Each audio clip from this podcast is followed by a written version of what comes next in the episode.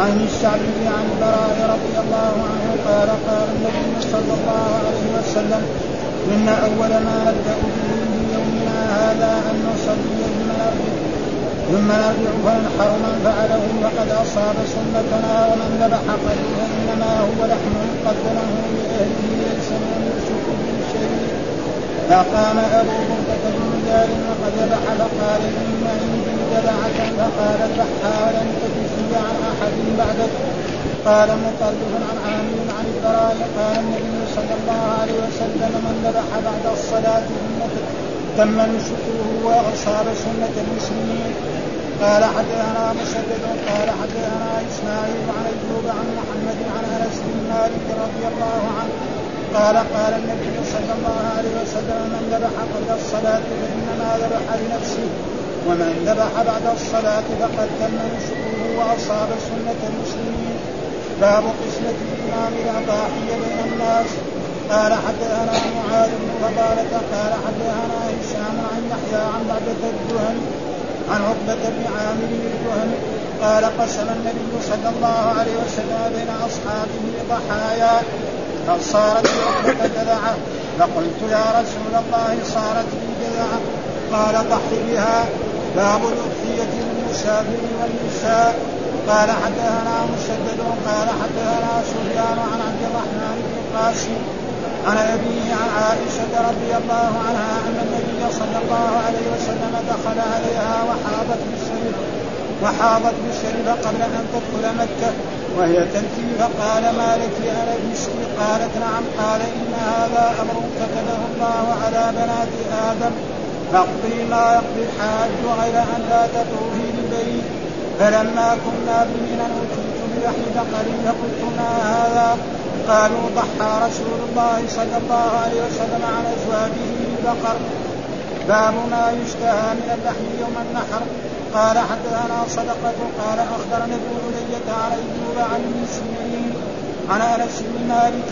قال قال النبي صلى الله عليه وسلم يوم النحر. من كان ذبح قبل الصلاة فليعد فقام رجل فقال يا رسول الله إن هذا يوم يشتهى فيه اللحم وذكر جيرانه وعندي جذعة خير من شاتي لحم فرخص له في ذلك فلا أدري أبلغت الرخصة من سواه أم لا. ثم انتفأ النبي صلى الله عليه وسلم إلى كبشين فذبحهما وقام الناس إلى غنيمة فتوزعوها أو قال فتجزعوها باب من قال الأضحى يوم النحر قال حدثني محمد بن سلام قال حدثنا عبد الوهاب قال حدثنا ايوب عن محمد عن ابي بكر عن ابي بكرة رضي الله عنه عن النبي صلى الله عليه وسلم قال ان الزمان قد اشتدار كهيئته يوم خلق الله السماوات والارض السنة اثنا عشر شهرا منها أربعة حرم ثلاث متواليات بالقعدة والحجة والمحرم ورجب الذي بين جمادي وشعبان أي شهر هذا قلنا الله ورسوله أعلم. فسكت حتى ظننا أنه سيسميه بغير اسمه قال أليس أليس الحجة قلنا بلى.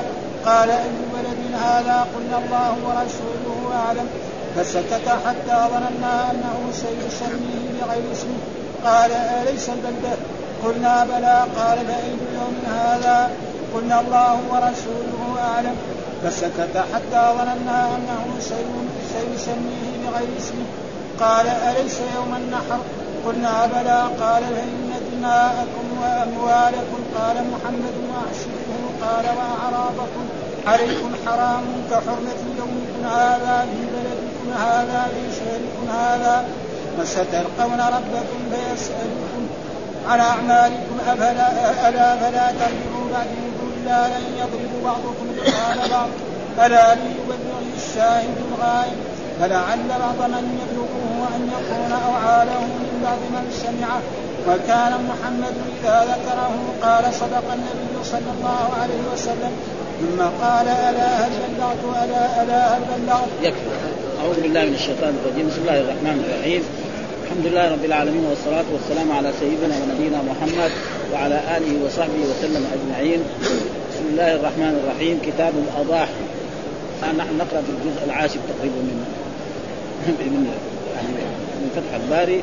والآن ابتدأ بكتاب الأضاحي. وكتاب غير ما قلنا غير ما مر مصدر والمراد به اسم مفعول. يعني هذا مكتوب تجمع فيه الأحاديث الواردة عن رسول الله صلى الله عليه وسلم في الأضاحي. إيش حكم الاضاحي و و وإيش معنى الاضاحي يقول هنا كذا لأبي ذر والنسفي ولغيرهما سنة الاضاحي يعني هنا في هذه النسخة اللي عندنا كتاب الأضاحي باب سنة الأضحية. لأبي ذر ولغيرهما سنة الاضاحي وهو جمع أضحية بضم الهمزة. بضم الهمزة ويجوز كسرها إضحية يعني بكسرها. ويجوز حذف الهمزة وتفتح يعني ضحايا.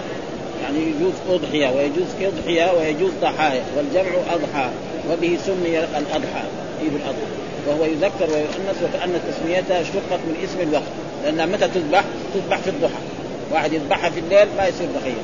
ها يذبحها قبل يعني قبل طلوع الشمس لا تسمى أضحى فلذلك من اسم الوقت سميت أضحية وسماها الرسول صلى الله عليه وسلم وسمى ذلك اليوم يوم عيد الأضحى. آه وكأنه ترجم بالسنه إشارة إلى مخالفة من قال. ثم قال باب سنية الأضحية. يعني هناك من العلماء من يقول أن الأضحية واجبه فالإمام البخاري يرى أنه ما هناك دليل على الوجوب وإن كان بعض العلماء استدلوا بأدلة تدل على الوجود ولكن الذي يظهر من الأدلة أنها ليست لانها صارت واجبة معنى اذا سنة الأضحية والمعنى يعني أنها مسنونة أو أنها طريقة قال إشارة إلى مخالفة من قال بوجوب قال ابن حزم لا يصح عن أحد من الصحابة أنها واجب وصح أنها غير واجبة عن الجمهور يعني جمهور العلماء وجمهور الفقهاء ولا خلاف في كونها من شرائع الدين. يعني من شرائع الدين هذا ما في خلاف. ها انها من الشرائع التي أمر بها الإسلام وأمر بها رسول الله صلى الله عليه وسلم وهي عند الشافعية والجمهور سنة مؤكدة. على الكفاية. وفي وجه للشافعية من فروض الكفاية. وعن أبي حنيفة تجب على المقيم الموسر يعني هذا يعني مثلا أبي حنيفة يرى انها تجب على المقيم الموسر وعن مالك مثله انها تجب على المقيم الموسر وفي رواية لكن لم يقيد بالمقيم ونقل ونقل عن الأوزاعي وربيعه والليث مثله وخالف أبو يوسف من الحنفية وأشهب من المالكية فوافق الجمهور على أنها سنة. وقال أحمد يكره تركها مع القدرة وعنه واجبة وعن محمد بن الحسن هي سنة غير مرخص في تركها. وقال الطحاوي وبه نأخذ. يعني سنه لا. وليس في الآثار ما يدل على وجوبها انتهى. أقرب ما يتمسك به من وجوب حديث أبي هريرة رفعه من وجد سعة فلا فلم يضحي فلا يقربن مصلانا. يعني هذا الحديث الذي استدل به العلماء الذين يروا أنها واجب. من وجد سعة يعني كان غني ويستطيع أن يشتري الأضحية ولم يضحي فلم يضحي فلا يقربن مصلاه، يعني الرسول يقول له ينهى أن يقرب مصلى العيد، فهذا يعني ولكن هذا برضه ما يجوز يعني ما لأنه ما في إنه واجب. ها؟ يجب عليه. أخرج ابن ماجه وأحمد ورجال وثقات ولكن اختلف في رفعه ووقفه. والموقوف أشبه. فإذا كان موقوف ما ما, ما يصدق الموقوف معناه الصحابة قال. والصحابي على كل حال لما شاف الرسول يعمل هذه الأشياء فكأنه استدل بهذا. ومع ذلك ليس صريحا في الإيجاب. وقال ابن عمر هي سنة ومعروف. هذا وقال ابن عمر هي سنة. هذا تعليق. ها إيش؟ وصله حماد بن سلمة في مصنفه بسند جيد إلى ابن عمر. وللترمذي محسنا من طريق جبل ابن صحيب أن رجلا سأل ابن عمر عن الاضحيه أهي واجبة؟ فقال ضحى رسول الله صلى الله عليه وسلم والمسلمون بعده. ما قال له نعم. لما سال الرجل هذا الأضحية واجبة؟ إن كان واجبه كان يقول له نعم. لكن ما قال ها؟ قال له إيه؟ ضحى الرسول والمسلمون بعده. معناه إيه؟ يعني من شرائع الإسلام نقدر نقول. ها من السنن التي سنها رسول الله صلى الله عليه وسلم وسنها الإسلام والعمل على هذا عند أهل العلم. عند أهل العلم. إن الاضحيه ليست بواجبة. فكأن يعني أرجح الأقوال أنها ليس يعني كأن فيها ثلاثة أقوال. سنة وواجبة وفرض كفاية. يعني تقريبا هكذا العلماء. ولكن أيهما أصح؟ أنها غير واجبة إنما هي سنة. من قول ابن عمر لم لم يقل في الجواب نعم أنه لا يقول بالوجوب فإن الفعل المجرد لا يدل على ذلك وأنه أشار بقوله والمسلمون إلى أنها ليست من الخصائص. يعني ليش قالوا المسلمين؟ عشان لا يدل أنها من خصائص رسول الله صلى الله عليه وسلم. لأنه في أشياء خاصة لرسول الله يفعلها الرسول ولا يفعلها. مثلا الرسول كان يتزوج أكثر من أربع نسوة. نعم ولا يجب عليه العدل في النساء. إلى غير كثير يعني في في كتاب يعني مكتوب الخصائص الكبرى للسيوف مجلدين. ها؟ يدل على إيه؟ أن السيوطي هذا رجل عالم عظيم جدا. ها؟ كتاب كتاب ضخم كل خصائص الرسول صلى الله عليه وسلم. ها؟ كلها ابدا. بس بس ما عندنا لكن ما قرانا ولا طالعنا فيه الشيخ سيدنا فخصائص الرسول ف... وكان ابن عمر حريصا على اتباع أفعال النبي صلى الله عليه وسلم فلذلك لم يصرح بعدم الوجوب. وقد احتج من قال بالوجوب بما ورد في حديث مخنف بن سليم رفعه على أهل كل بيت أضحية. وهذا ما يدل. الرسول يقول على أهل كل بيت. ما قال يجب أو برضو هذا ما يكفي يعني. أخرجه أحمد والأربعة بسند قوي ولا حجة فيه لأن الصفه الصيغة ليست صريحة في الوجوب المطلق. وقد ذكر مع العتيرة وليست بواجبة عند من قال بوجوب الأضحية واستدل من قال بعدم الوجوب. نعم بحديث ابن عباس. كتب علي النحر ولم يكتب عليكم. ها؟ ما هي واجبة؟ يقول جاء في حديث كتب علي الرسول عن نفسه النحر يعني الاضحيه ولم يكتب عليك وهو حديث ضعيف أخرجه أحمد وأبو يعلى والطبراني والدار قطني وصحابه الحاكم وقد وقد يعني استوعيت طرقه ورجاله في الخصائص. فالمقصود يعني أصح الأقوال أنها سنة مؤكدة للإنسان الذي إيه وسع الله عليه وأن فيها أجر عظيم ويكفي ذلك ما ثبت في الأحاديث أن الدم هذا يقع. قبل أن يقع في الأرض يقع في إيه؟ عند الرحمن سبحانه وتعالى ويكون له أجر عظيم وأن الأضحية هذه بجميع ما فيها من أجزائها أجر وثواب. فليش الإنسان يعني يكون يستطيع فيترك هذا. فلأجل ذلك ثم فيها أن الإنسان يأكل هو ويأكل أولاده ويهدي لإخوانه ولأصدقائه. نعم ويتصدق. فالإنسان لا يترك هذا إلا فيقول باب سنة الأضحية. ها أنها سنة. وقال ابن عمر هي سنة ومعروف. يعني سنة ومعروف يعني وهذا تعليق. والتعليق هذا قال وصله حماد بن سلمة في مصنفه بسند جيد إلى ابن عمر. ثم قال حدثنا محمد بن بشار قال حدثنا غندر حدثنا شعبة عن زيد الأيامي عن الشعبي عن البراء رضي الله تعالى عنه قال النبي صلى الله عليه وسلم إن أول ما نبدأ به في يومنا هذا أن نصلي. ثم نرجع فننحر من فعله فقد أصاب سنتنا ومن ذبح قبله فإنما هو لحم. قدمه لأهلي ليس من النسك في شيء. فقال أبو بردة بن نيار وقد ذبح فقال إن عندي جذعة فقال اذبحها ولن تجزي عن أحد بعده. فيقول في هذا الحديث عن هؤلاء الأئمة محمد بن بشار الصحابي البراء بن عازب رضي الله قال النبي إن أول ما نبدأ به في يومنا هذا يعني أول شيء نبدأ به في يوم في يوم عيد الأضحى نعم نصلي صلاة عيد الأضحى. ثم بعد ذلك نرجع إلى بيوتنا فننحر. من فعله فقد أصاب سنتنا والمراد بالسنه هنا طريقتنا ليس السنة التي هي يعني تقابل الواجب. ها؟ هذا يعني إيش المراد بالسنة؟ ها هنا الطريقة التي مشى عليها رسول الله صلى الله عليه وسلم ومشى عليها المسلمون من بعده فهذا المراد بالسنة هنا لأنه في مرات السنة تجي قول الرسول فعله تقريره. ها؟ أو السنة آه، في الصلاة في أركان وفي واجبات وفي سنن. فايش المراد بالسنه في هذا الحديث؟ المراد هي الطريقة التي سار عليها رسول الله صلى الله عليه وسلم، وجاء في أحاديث كذلك مثل ذلك في أحاديث مرت علينا في دراستنا أن رجالا جاءوا إلى بيت رسول الله صلى الله عليه وسلم وسألوا عن عبادات رسول الله صلى الله عليه وسلم. فقيل لهم إنه يصلي نعم وينام. ويتزوج النساء ويأكل اللحم. فقال بعضهم لبعض أما أنا فإني أصلي الليل كله والآخر قال أنه يصوم النهار كله والآخر قال أنه لا يأكل لحم وهذا. فلما عاد الرسول وسمع قال ما يعني من رغب عن سنتي فليس منه أما أنا فإني أتقاكم لله فإني أصلي وأنام وأصوم وأفطر وأتزوج النساء فمن رغب عن سنتي. هنا سنتي بمعنى إيه؟ طريقتي. فإذا هنا يعني السنة كذلك بمعنى السنة. ومن ذبح قبل يعني قبل إيه؟ قبل الصلاة. يعني رج شخص بعد بعد ما صلى الفجر ذهب وذبح أضحيته. ذبيحته هل هذه أضحية؟ الجواب لا. هذه شاة لحم. آه زي ما الإنسان يشتري في أي يوم من الأيام نعم ذبيحة ويذبحها لدعوة أو لوليمة أو لغير ذلك فإنها لا تسمى يعني قبل يعني قبل ذلك. ومعروف أن قبل هذا مبني على الضم لأنه حذف المضاف إليه ونوي معناه. من ذلك قوله تعالى لله الأمر من قبل ومن بعده ها فإنما هو لحم قدمه لأهله. يعني لا يسمى أضحية ولا يسمى نسك. ليس من النسك فقام أبو بردة بن نياد وهو من أصحاب النبي صلى الله عليه وسلم وقد ذبح وقال إن عندي جدعه يعني هذا الرجل ظن أن لما كان الاضحيه قبل الفجر ذبح نعم وأكل ثم خرج لصلاة الفجر أو لصلاة العيد فقال له الرسول ذلك قال عندي جذعة. فقال اذبحها ولن تجزي عن أحد بعده. في روايات مرت علينا أنها سخلة. والجذع معناه يعني التي تكون كبيرة. يعني الشيء الذي فيه يمكن المسنة. وهذه جذعة ومع ذلك قال لن تجزع عن أحد غيره.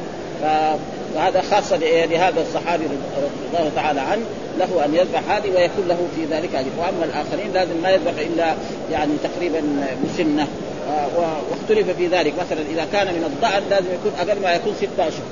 كذا بعض العلماء. وبعضهم يرى أنها سبع أشهر أو ثمانية أشهر أو تسع أشهر. وإذا كان من هذا إذا كان ومن المعز سنة.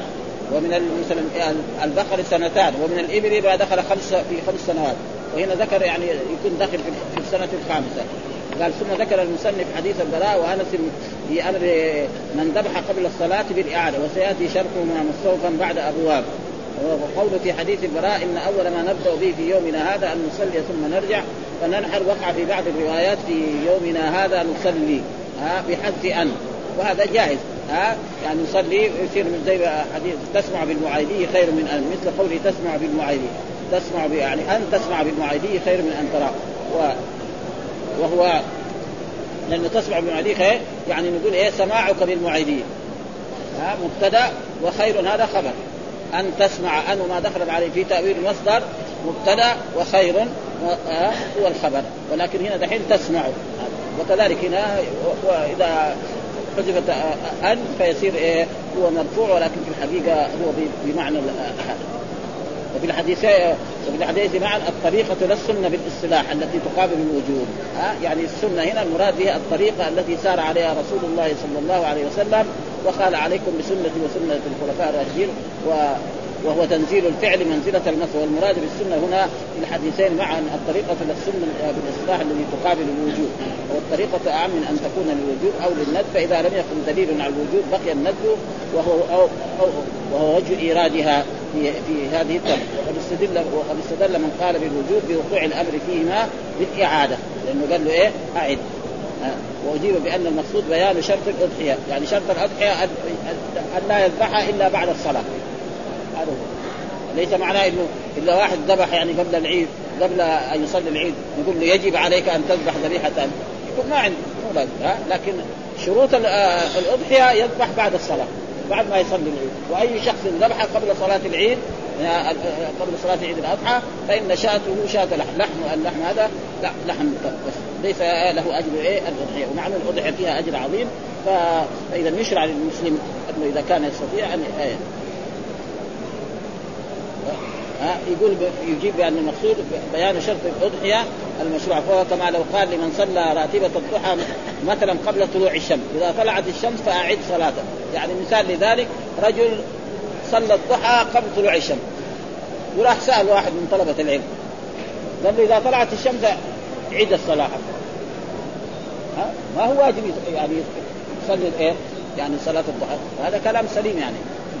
هذا معناه يعني وليس من النسك بشيء النسك يطلق ويراد به الذبيحة ويستعمل في نوع خاص من الدعاء من الدعاء ها من الدماء ها زي دماء إيه؟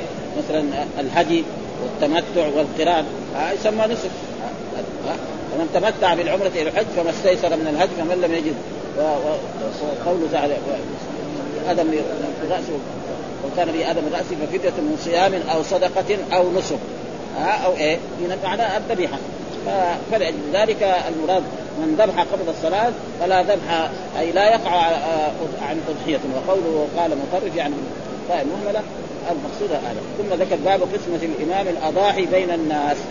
باب قسمة الإمام الأضاحي بين الناس. يعني يعني يجوز للإمام أو يشرع للإمام إذا كان عنده مثلا من الغنائم أو من من الفيء أو من من غير ذلك أن يوزع على المسلمين. أضاحي. فيوزع هذا يعطي له شاة وهذا يعطي له يعني خروفا وهذا يعطي له مثلا خمسة امتار أو أربع امتار بقرة أو ناقة أو فجائز. وكان الرسول يفعل ذلك. فاذا لا بأس مثلا رجل مثلا في عصرنا هذا من الناس الأغنياء أو من الناس الأمراء نعم يعطي الجماعه اللي حوله خدمه وذول اللي يلوذ به أو هذا. يعطيه كل واحد يعطي له هذا. يشتري هو مثلا 10 أضاحي ويوزع عليهم ثم كل واحد يذبح. فيصير الاجر إيه؟ لهم هم. ها وكل واحد قد إيه ضحى هذا معناه وهنا باب قسمة الامام الأضاحي بين الناس. وهذا قد فعله رسول الله صلى الله عليه وسلم والرسول هو القدوة. فإذا على الأئمة وعلى هذا يفعل مثل ذلك. إيش الدليل؟ قال حدثنا معاذ بن فضاله حدثنا هشام عن يحيى بن بعجة الجهني عن عقبة بن عامر الجهني قال قسم النبي صلى الله عليه وسلم بين أصحابه ضحايا فصارت لعقبة جذعة. فقلت يا رسول الله صارت لي جذعة. قال ضحي بها. ففهم من ذلك. وهذا يعني عقبة بن عامر هو الذي وزعها يعني الرسول مثلا أتى بجملة من الأضاحي 10 أو 20 أو 100 أو أقل أو أكثر ما نعرف. قال يا عقبة وزعها على على أصحابه. فوزع كلهم اخذوا ثم بعد ذلك صارت له قسم واحد هو لأنه معهم.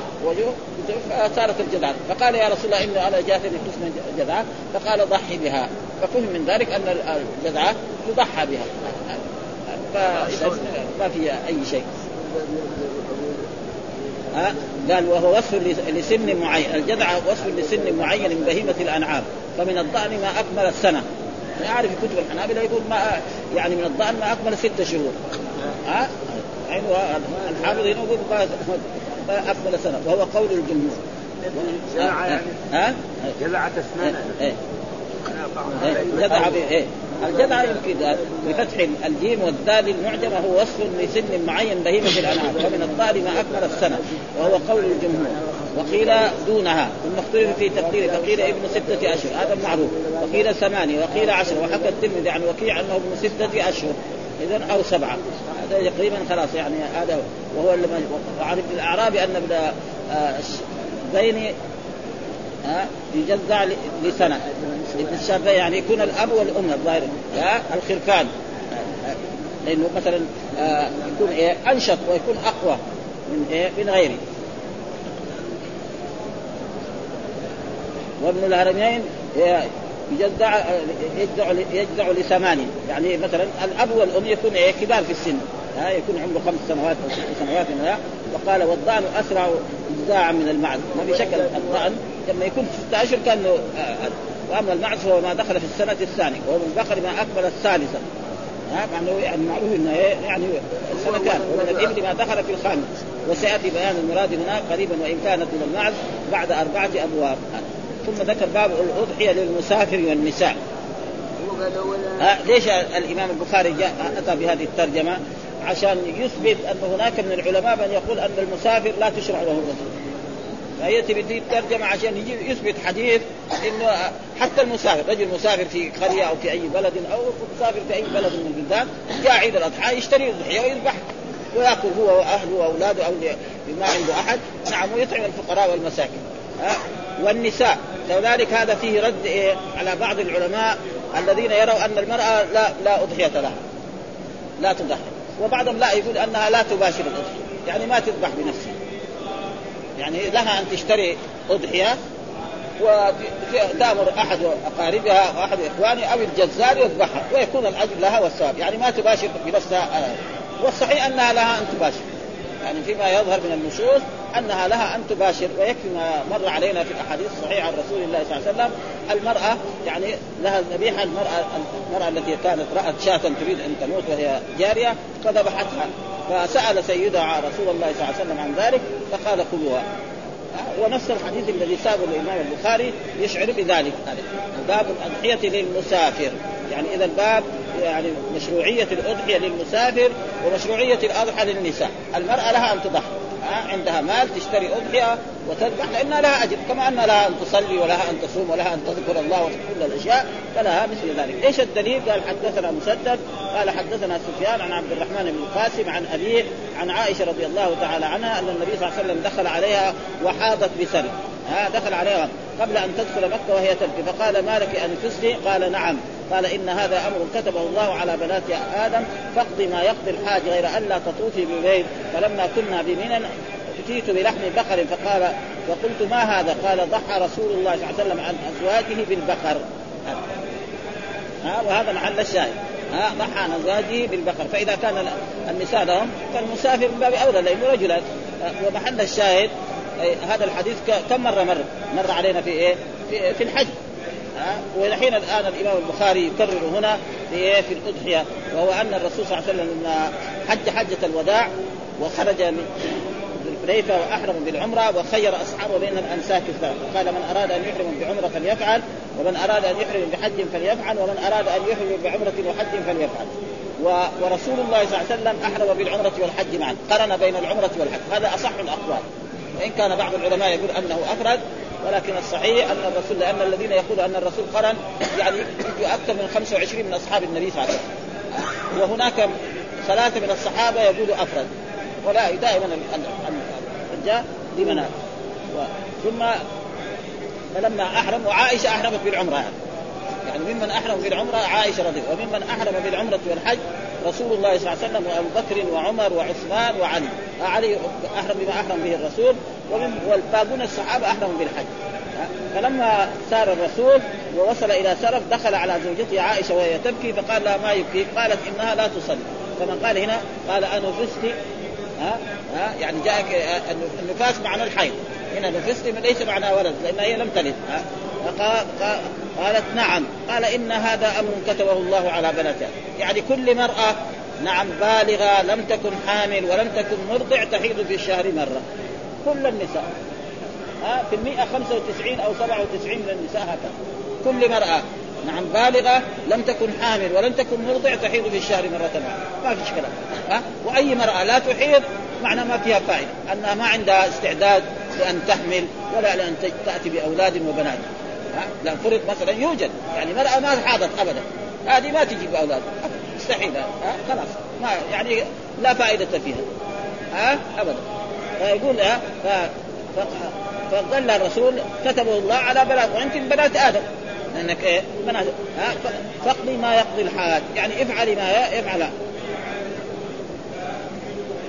ها؟ كل الأعمال اللي يفعلها الحاج فما لها أن إيه؟ يعني أن تقف بعرفه، لها أن تبيت مزدلفة، لها أن ترمي الجمار، لها أن تذبح كمان. يعني هذا الدليل يمكن إيه؟ لها أن تذبح. عائشة. لو كانت هي حائض لكن إيه؟ قال ألا تطوفي بالبيت. هذا الشيء الممنوع منه المرأة الحائض. المرأة إذا حاضت جميع أعمال الحج وجميع أعمال العمرة تعملها. إلا أنها لا تطوف بالكعبة حتى تطهر فإذا طهرت طافت بالبيت. ولأجل ذلك عائشة ما طافت طوافها إلا إيه؟ يوم العيد. راحت إلى مكة وجلست في مخيام الرسول صلى الله عليه وسلم حتى جاء اليوم الثامن واشتكت إلى رسول الله صلى الله عليه وسلم فقال لها الرسول دعي أعمال العمرة وأضيفي على العمرة حج وصارت قارنة وذهبت إلى عرفة ووقفت بعرفة وهي حائض وفي ليلة المزدلفة طهرت. فلما طهرت ليلة المزدلفة الرسول يوم العيد لما نزل إلى مكة هي نزلت مع رسول الله صلى الله عليه وسلم. الرسول طاف فقط هي طافت وسعت. فقال الرسول هذا الكلام طوافك بالبيت يعني اليوم وسعيك بين الصفا والمروة يكفيك لعمرتك وحجك. ها فصارت قارنة. لكن هي ما ما ناسبها. هذا قالت يوم يوم 13 ليلة 14 قالت يا رسول الله يعود أصحابك بعمرة مستقلة وحجة مستقلة وأنا أعود بعمرة وحجة مع بعض يعني ما هي مبسوطة يعني في شيء. ها فالرسول يعني أمرها نادى أخاه عبد الرحمن قال خذ أختك إلى التنعيم المكان الذي يسمى بالعمرة. نعم ويسمى مسجد عائشة تحرم بالعمرة ليلة 14 وتدخل إلى مكة تطوف بالبيت وتسعى بين الصفا والمروة. وتسعى بين الصفا والمروة ويصير هي أدركت إيه عمرة وحجه مع بعض وعمرة مستقلة. الرسول أدرك عمرة وحجه مع بعض. أصحاب الرسول أدركوا عمرة مستقلة وحجه مستقلة. ها وكثير من اخواننا نسمع في هذه الأيام يقولوا بعض الطلبة إن الرسول يعني يعني يعني ما ما لاحد يعني يعمل هذه العمرة حقت عمرة مكة وان الرسول تطيبا لخاطره يعني شوية أنا ما ظهر لي هذا الرسول ما يجامل ها؟ ما يجامل إذا كان ما لها حد تعتمر يقول لها لا. فاذا قال لها لا تقول نعم. ما تقول لا ها؟ فإذا عمره مثل هذه جائز نعم صحيح. هذه ثم الرسول قال لها آه يعني أجرك على قدر نصرك. واحد ساوى عمره من ابيار علي شخص ساوى عمره من التنعيم. هذا يدفع كم؟ 25 ريال يركب سيارة يمشي حاله. أو 20 ريال أو 15 ريال. وعمره إلى التنعيم في في النقل الجماعي بريالين. ما يصير سوا. أجره. وهذه تغلق في إيه؟ يعني عمرة من من التنعيم. يعني بعد ثلاث بعد ساعتين تغلق. يروح بالسياره ربع ساعه ويرجع. يعني بعد ساعة. وهذه يبغى لها أقل ما يكون ثمانية ساعات سبع ساعات أو تسع ساعات. ها؟ فلا على كل حال جائز لكن آه، كونها ما هي من السنة أو هذا شوية لم يظهر لأن الرسول ما يجامل فإذا ليس لها كان يقول لها خلاص لأن هي أدركت عمرة وحجة. ما فيش كلام. لكن الرسول امرها فاذا جائز. أي إنسان يعني أحرم بالحج أو أحرم فله أن يعمل عمرة من مكة. وهذه العمرة ما تعمل إلا بعد أيام التشريق. ها بعد أيام التشريق. يعني يوم من يوم إيه؟ 13 إذا كان نزل في يوم اثنين. وإذا ما نزل من يوم 14 وأما أيام من ما يفعلها. هذا إنه متلبس بإيه؟ بالحج. هذا الذي يظهر فلما كنا بمنى أتيت بلحم بقر يعني لما كانت في, في أيام منى اليوم الأول نعم أتيت بلحم بقر فقلت ما هذا؟ قالوا ضحى رسول الله عن أزواجه بالبقر وأزواج الرسول يجب عليهن إيه؟ الهدي يعني أزواج الرسول لأنه كنا إيه؟ متمتعات إلا عائشة هي كانت قادمه لانها هي اصحابه أزواج الرسول الباقيات وبنات الرسول الموجودات كنا إيه؟ متمتعات فإنه يجب عليهن. فضحر فإذا يعني هذا اللحم ده من من لحم الهدي. لأنه كل متمتع وكل قارن لازم عليه إيه؟ ها؟ وكنا أزواج الرسول وبنات الرسول متمتعات. و... وكذلك يعني أصحاب الرسول صلى الله عليه وسلم. ولأجل ذلك الرسول لما طاف بالبيت وسعى بين الصفا والمروة قال لأصحابه من لم يسق الهدي فليجعلها عمره فقالوا يا رسول الله نحن ما بيننا وبين الحج إلا أيام قلائل. فقال لولا يعني يعني لو استقبلت من أمري ما استقبلت لما سقت الهدي ولا جعلتها عمرة. فلأجل ذلك وأصح الأقوال مع الدليل هو الإنسان يتمتع. ها؟ يعني أصح الأقوال إذا كان لم يسق الهدي يتمتع. وأما إذا يسوق الهدي يشتريه قبل أن يدخل مكة فله أن يحرم مفردا وله أن يحرم حاجا مفردا أو قارنا ها واحد يسوق الهدي قبل لا يدخل يعني يحرم بالعمرة يحرم بالحج وقبل ان يدخل مكة يشيله معاه ويوصل إلى مكة ويخليه إلى يوم النحر ويذبحه هذا ما في شيء جائز ابدا. لأن الرسول قال من لم يسق الهدي فليجعلها عمرة. فإذا فهم من ذلك الذي ساق الهدي له أن يحرم بالحج فقط. ومن ساق الهدي له أن يحرم قارنا مثل الرسول صلى الله عليه وسلم. والرسول هو القدوة. فلذلك يقول ضحى رسول الله عن أزواجه بالبقر. والبقرة تجزي عن إيه؟ سبع انفاس وإذا ليس فيها وفهم من ذلك أن المرأة لها يعني أن تعمل جميع أعمال الحج إلا الطواف البيت. فإذا ترمي الجمار وهي حائض. نعم تبيت في المزدلفة ترمي الجمار تذبح كمان ها؟ بس نحن ما حصلنا إيه؟ إنه النساء الإمام البخاري استدل بإيه؟ بهذا الحديث على أنها تذبح. إنما الحديث يدل على ذلك. ها؟ لأنه قال افعل غير أنك لا تطوفي بالبيت حتى تطهري. يقول جاء مالك آه هنا. أن النساء لا ضحيه يعني في الباب إشارة إلى خلاف من قال إن النساء لا أضحية عليهن. ويحتمل أنه يشير إلى إلى خلاف منع من مباشرتهن التضحية. ها؟ حتى التضحية لها أن تذبح. والدليل على ذلك الأحاديث اللي مرت علينا في كتاب الأطعمة وفي كتاب الذبائح أن امرأة يعني رأت شاة تريد أن تموت فذبحتها فسأل سيدها عن ذلك فقال لها نعم كلوه. فدليل على المرأة أنها تذبح. لا كما يظن كثير من العوام وكثير من أنصاف المتعلمين أن المرأة لا تذبح وإذا ذبحت لا تؤكل ذبيحتها هذا غلط. أو كمان الذبيحة لازم يكون السكين فيها يقول مص... ثلاثة مسامير يعني. تذبح بأي شيء تذبح بالحجر تذبح بهذا كل هذا ليس فيها آية ذبح وقت ذبح الأضحية وهو ضحى يوم النحر. وقال وإن حمل على ظاهره فيكون تطوعا لا على انها سنة الأضحية. هذا. واستدل الجمهور على أن على أن أضحية الرجل تجزي عنه وعن أهل بيته وقال في ذلك الحنفية وادعى الطحاوي أنه مخصوص أو منسوخ والصحيح ما في ها يضحي الرجل عن إذا والرسول كان يفعل ذلك يقول مثلا ضحية يذبح كبشين أملحين في المدينة أحدهما عن محمد وآل محمد والثاني عمن لم يضحي من أمة محمد. كذا بهذا النص خلاص هذا فإذا جائز ها. والعادة تقضي بنقل ذلك أو هذا. ولم يأتي دليل قال القرطبي لم ينقل أن النبي صلى الله عليه وسلم أمر كل واحدة من نسائه بأضحية مع تكرار آه، آه، مع تكرار سن الضحايا. لأن الرسول بعد في المدينة عشر سنوات. مع تعدادهن والعادة تقتضي بنقل ذلك. ومعلوم أن الأشياء التي يفعلها الرسول دائما تنقل. كل شيء حتى الأشياء البسيطة الذي كان ما يفعلها إلا مرة يعني بتنقل. ثم ذكر باب ما يشتهى من اللحم يوم النحر. باب ما يشتهى من اللحم يعني يفهم من ذلك أنه يعني من الأشياء الذي يتقرب بها في عيد الاضحى هو ذبح الأضاحي. وجاء في الأحاديث الصحيحة عن رسول الله صلى الله عليه وسلم أن الرسول قال عن أيام يوم النحر والأيام بعد أيام أكل وشرب وأيام ذكر الله وأيام بيعال كمان يعني اتصال بالنساء. إذا رجل انتهى من أعمال الحج له أن يتصل بزوجته إذا أحب فقال باب ما يشتهى من اللحم يوم النحر. يعني كثير من الناس يعني يشتهي فلذلك هذا الصحابي راح ذبح شاته نعم في الليل وأكل وأطعم جيرانه وأهله ثم خرج للعيد. فلما الرسول أخبره قال له هذه ما هي أضحية هذه شاة لحم هذا آه ليس لك أجر فالرسول بعد ذلك يعني أمر انه لازم الأضحية ما تكون إلا بعد صلاة العيد.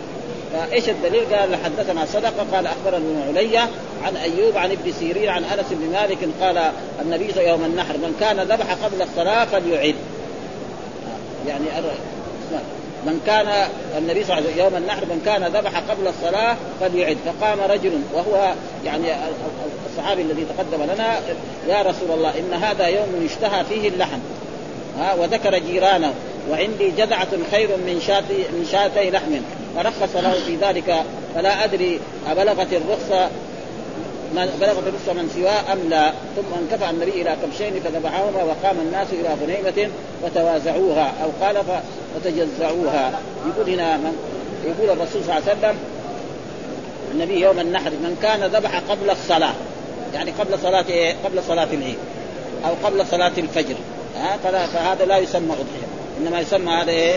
شاة لحم. زي ما الإنسان يشتري لحم في أي شاة ويذبحها في أي وقت من الأوقات فليس له أجر الاضحيه وكذلك بعض العلماء يرى أنه لازم يذبحها في النهار ولا يذبحها في الليل الهدي. فقال رجل ها؟ وقال إن هذا يوم يشتهى فيه اللحم.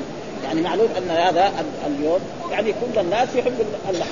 وهو لأجل ذلك ذبح شاته وسلخها وطبخها وطبخ اهله ووزع أكل هو واهله وأولاده وجيرانه وعندي جذعة خير من شاتي لحم. يعني ورخص له في ذلك. فرخص له الرسول أن يذبحها بدلا فلا أدري أبلغت الرخصة من سواه. يعني هل أي واحد ذبح قبله يكون له هذه الرخصة أو بس لهذا الرجل؟ أكثر الناس يقول لا لهذا. ولذلك في بعض الروايات التي مرت علينا في هذا انها أنها مثلا سخلة. والسحبة معناه إيه؟ شاة صغيرة يعني. يعني عمرها شاة خمسة أشهر ثلاثة أشهر أربعة أشهر. معناه الشاة لازم ما تكون أضحية إلا إذا بلغت سنة قبل يعني كان يعني 12 شهر فالذي السخلة السخلة معناه زي ما يسموها جفرة. فلا يزال إلى الناس بعض العرب يسموه سخلة. بعض الناس يسموها جفرة أو عناق يعني في يسموها عناق فاذا ما فهذا آه، له ترخيص هو الحال. آه ليس لأي أحد مثل أن ومعلوم أن الشاة لابد يكون لها سنة. والخروج يكون له ستة أشهر أو سبع أشهر. آه ثم انكفأ النبي صلى الله عليه وسلم. ومعنى انكفأ هنا معنى الرسول آه يعني آه عملت يعني رجع عن مكان الخطبة إلى مكان الذبح هذا معنى انكفأ. انكفأ مهموس أي مال يقال كفأت الإناء إذا أملت. والمراد هنا أنه رجع عن مكان الخطبة إلى مكان لأن الرسول كان صلى الإيه؟ العيد في إيه؟ في الصحراء. يعني جهه مسجد الغمامة ثم رجع إلى بيته أو إلى مكان يكون آه، يعني آه، الاضحيه اتي بها إلى مكان مصلى زي ما يقول المالكية. انه الإمام لازم إيه؟ يأخذ أضحيته ويذبحها في إيه؟ في المصلى هناك حتى يروا الناس. ها؟ هكذا يروا في مذهب الإمام مالك. ولكن الأصح انه الأضحية تكون بعد الصلاة. لأنه قد يكون الإمام ما, ما يبغى يذبح. مش لازم يكون الإمام رجل عادي. ها؟ ها؟ خلاص. فهو إذا لا اذا إذا صلوا العيد كل واحد يروح بيته لأنه كونه إلى بعد ما يذبح الإمام فيها شوية ولكن هم بيشترطوا هذا الشرط. فأما إلا يذبح قبل الامام قبل الصلاة هذا تقريبا شاة لحم. هذا يعني الذي يظهر من إيه؟ من المسلم ها؟ إلى كبشين فذبحهما. وقال في الكبشين أحدهما عن محمد وآل محمد والثاني عن من لم يضحي وقام الناس إلى غنيمة. ها والغنيمه تصغير غنم ها فتوازعوها أو قال فتجزعوها. يعني كل واحد أخذ شاة وذبحها. ف... وقد يكون هذه الشياة التي يعني قسمها رسول الله صلى الله عليه وسلم وأمر عقبة بن عامر الجهني أن يوزعها على أصحاب الرسول صلى الله عليه وسلم فتوازعوها و... وقام رجل هو أبو بردة بن نياد هو هذا الذي كان إيه ذبح قبل. وهنا في هذه المسألة في يعني كلمه قال إن هذا يوم يشتهى فيه اللحم. في رواية من أبي هند عن الشعب يعني قال يا رسول الله إن هذا يوم اللحم فيه مكروه. يعني يعني مثلا إيش مكروه؟ يعني مثلا يوم الأضحى. أول يوم يكون اللحم لذيذ جدا. اليوم الثاني ها. اليوم الثالث يقول اليوم الثاني يمكن الواحد وداه يقول له ما أبغى خلاص أنا شبعت. يعني كذا يعني ها؟ هذا معناه يعني في أول يوم مرة له لذة ابدا. فلذلك هو فعل هذا الشيء. فلذلك المكروه معناه لو أخرنا إلى يومين خلاص الناس ما ما, لهم حاجة في اللحم. فلذلك يعني وجاء في بعض الآيات مقرون مقرون معناه مشتهى. يعني يكون في اليوم الأول مشتهى اللحم جدا. اليوم الثاني أقل. اليوم الثالث أقل. بعد ذلك خلاص. يصير شيء عادي. يمكن بعض الناس الآن لما صاروا متمدنين وصاروا عندهم شيء من الطب يقول لك في أيام عيد الأضحى ما يأكل اللحم ابدا. ها؟ رأينا ناس في منى وفي هذا ما ياكل ابدا ياكل يابس ياكل زيتون عشان إيه؟ لا يصير معاه إسهال ولا يصير معاه كذا وأشياء مع إنه أكل اللحم يعني فلذلك هذا يعني محروم وقد صور بعضهم هذه الرواية ومعناه يشتهى في اللحم. يقال قرمت إلى اللحم قرمت وقرمت إذا اشتهيت فهو موافق للرواية الأخرى. إن هذا يوم اشتهى فيه اللحم. هذا. وقال بعض شيوخنا صواب اللحم بفتح الحاء وهو وهو اشتهاء اللحم والمعنى ترك الذب ها والتضحية وبقاء أهله فيه بلا علم حتى يشتهوه مكروه ها يعني هو ما يذبح في اليوم الأول وبعدين بعد ثلاثة أيام يذبح لهم فلذلك هو يقول هذه الأشياء وذكر جيرانا يعني إيه والزهر. وفي رواية عاصم إيه إني عجلت فيه نسكي لأطعم أهلي وجيراني وأهل داري فلا أدري أبلغت الرخصة من سواه أم لا؟ وقد وقع في حديث البراء اختصاصه بذلك. يعني هذا مختص بهذا الصحابي وهو الصحابي الذي ذكر وهو أبو بردة ابن نيار. أما الآخرين لا. ثم ذكر باب من قال الأضحى يوم النحر. وهذا كمان الإمام البخاري ترجم بهذه الترجمة لأن هناك من العلماء من يقول أن الاضحيه بس يوم اليوم الأول. بس. لكن عشان هذا اتى بهذه الترجمة ويأتي بالأدلة على أن الأيام كلها لأن الله قال واذكروا الله في أيام معلومات. الأيام المعلومات هي إيه؟ هي أيام التشريق كلها. ها يوم 11 ويوم 12 ويوم 13 وقال الرسول عنها أيام أكل وأيام شرب وأيام ذكر الله. وفي هناك في أيام نعم آه معلومات. الأيام المعلومات هي هي من أول شهر ذي الحجة إلى يوم إيه؟ تسعة. القرآن ذكر هنا أيام المعلومات وفي أيام ما. فالأيام المعدودات هي يوم 11 12 13 هذه أيام. أيام معلومات من أول الشهر إلى ولذلك ما من أيام العمل الصالح فيهن خير من الأيام العشر. قالوا يا رسول ولا الجهاد في سبيل الله؟ قال ولا الجهاد في إلا رجل يخرج بماله وبنفسه ولا يرجع بشيء. هذا نعم أفضل. وأما إذا رجع بشيء فهذا مع من قال الأضحى يوم النحر. يعني هناك من العلماء من يقول أن الأضحى بس يوم النحر. أما الأيام الثانية. ومنهم من قال من الأئمة لا اليوم الأول واليوم الثاني. بس. ها؟ يوم الأول وأما اليوم الثالث ما يصح. يعني يوم 13 هذا لا ما يصح. ها؟ والصحيح لا أنها كلها أيام. وهذه مسألة كذلك من المسائل الفرعية. التي فيها خلاف ولذلك أتى بهذه الترجمة وذكر هذا الحديث وهو حدثنا محمد بن سلام حدثنا عبد الوهاب حدثنا أيوب عن محمد عن ابن أبي بكر عن أبي بكرة رضي الله تعالى عنه عن أن الزمان قد استدار كهيئته يوم خلق السماوات والأرض. وهذه كان الرسول خطب يعني في أيام في أيام النحر أو يوم عرفة أو في أيام النحر. في أيام النحر خطب هذا لأن الرسول خطب عدة خطب في حجة الوداع منها خطبة يعني يوم يوم يوم سبعة. عند الكعبة. ويوم النحر خطب وكذلك يوم النحر خطب واليوم الثاني من أيام التشريق كذلك خطب. كانت خطب. الآن تقريبا في السنة يعني هذه الخطب راحت. يعني ما ما بيفعل إيه؟ يعني في إيه؟ حتى في المملكة العربية السعودية ما بيفعل إيه؟ يعني مثل هذه يوم عرفات الاخضر حقت عرفة هي اللي باقي ويقول آه كهيئته يوم خلق السماوات والأرض. لأن الله يوم خلق السماوات والأرض جعل هذه الأشياء كلها. ها؟ السنة اثنا عشر شهرا. منها أربعة حرم. ما هي الأربعة؟ الحرم هي ذي القعدة وذي الحجة ومحرم. هذول وراء بعض. ورجب لحاله هنا. وكان أهل الجاهلية يعظمون هذه الأشهر الواحد لو وجد قاتل في هذه الأيام ما يعترض ولا يقول له أي شيء. ثلاث متواليات. يعني وراء بعض. ذو القعدة وذو الحجة والمحرم. ورجب مضر. رجب مضر يعني الذي بين قال بين جمادى وشعبان بين جمادى الأولى وجمادى الآخرة أي شهر هذا؟ ها الرسول سأل ها أي شهر هذا؟ فقال الله ورسوله أعلم وهذا تعجبا منه ها يعني لأن الرسول هو أعلم ها يعني وهذا جائز أن الإنسان إذا سئل عن مسألة علمية لو قال الله ورسوله أعلم ما في شيء المسائل العلمية يمكن أما كل شيء لا. ها بعض العوام كذلك يقول متى تسافر؟ يقول الله ورسوله أعلم. لا يصير لا يصير. ها متى تسافر؟ لا الله أعلم.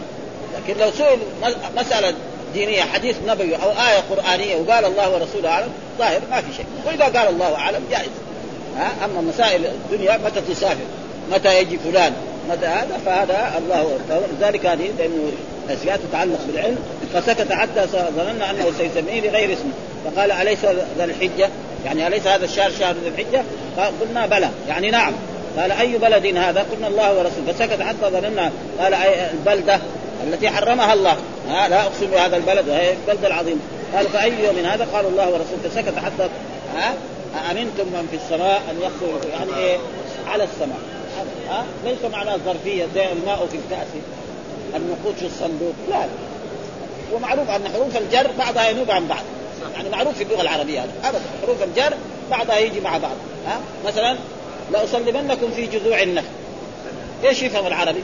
يعني على جذوع النخل. ما ما هي ظرفية هنا. أبدا. ها؟ فلذلك يعني ما في أي شيء. والعلماء الذين أولوا هذه الصفات وقالوا أن الله لا يجوز أن يعني أن يوصف أنه فوق أو غير ذلك أو أنه خارج عن الجهات الست أو وهو معكم في أي مكان. فإن هؤلاء إن شاء الله نرجو أن يعفوا لأنه أئمة كبار أرادوا الخير ولكن إيه ما يعني اخطاوا في هذا. فعقيدة أهل السنة والجماعة أن الله يوصف بأنه عال على عرشه بائن من خلقه. ها؟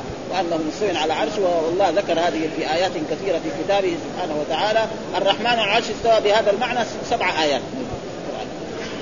اولها في الأعراف وبعد ذلك في يعني في كذلك في يعني في الرعد إيه؟ في الرعد وكذلك في طه يعني سبعه بعدين في آيات مثلا بل رفعه الله إليه، إليه يصعد الكلم الطيب والعمل الصالح، إلى غير ذلك فهذا تقريبا هو آه، مذهب أهل السنة وكان هذا هو المذهب السائد في الأول، ثم بعد ذلك جاء مذهب الأشعرية وأصبح هو مذهب السنة، ولذلك تجد بعض العلماء الكبار يعني يؤولوا هذه الصفات.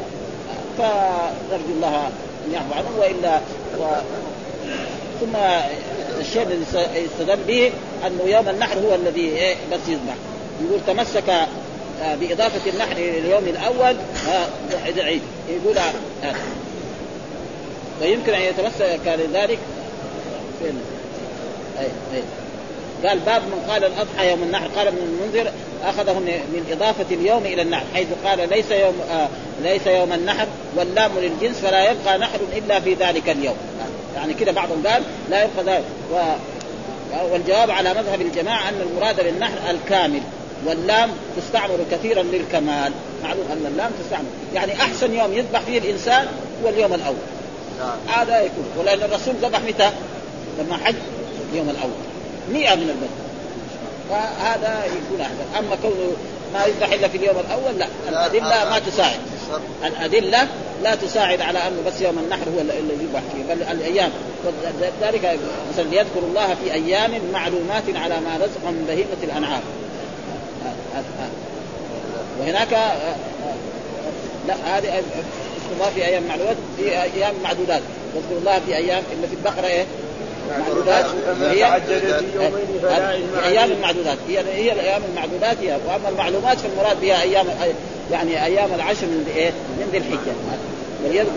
يذكر اسم الله في أي معلومات على ما ويحتمل أن يكون أراد أن أيام النحر الاربعه أو الثلاثه لكل واحد منها اسم يخصه فالاضحى يوم اليوم العاشر والذي يليه يوم القر والذي يليه يوم النهر. آه واليوم الرابع يوم النفر الثاني. وقال المراد أنه يوم النحر فيه الأضاحي في جمع في جميع الأخطار. وقيل مراده لا ذبح إلا فيه خاصة. يعني كما تقدم. يعني بعض العلماء قالوا هذا والصحيح لا. آه أنه كل الأيام له أن يذبح. آه، وسيأتي كذلك آه ستة أيام بعد العشر. والصحيح الذي بعد ذلك يذبح في مكة. بعد ذلك يذبح في مكة. لأن جاء في أحاديث آه، نحرتها هنا ومن منحر وطريق. فانحروا في رحالكم. فانحروا في رحالكم. ومنى ومكة شيء واحد. كله حرم. ها؟ يعني الذي يذبح في مكة ولا بس كونه يذبح في مكة بعد أيام النحر. ها؟ أما مثلا زي ما بعض الناس كذلك العلماء مثلا في أيام إذا اعتمر يذبح في مكة. هل يجوز؟ على كل حال من الأئمة من قال ذلك. يقول هذا واجب عليه. الهدي. فلما وجب عليه قدمه. ولكن القرآن بيدل على حتى الهدي محله فين محله؟ منى. هذا الذي يعني تقريبا أدلة تساعد على هذه الأشياء. والحمد لله رب العالمين وصلى الله وسلم على نبينا محمد وعلى آله وصحبه وسلم.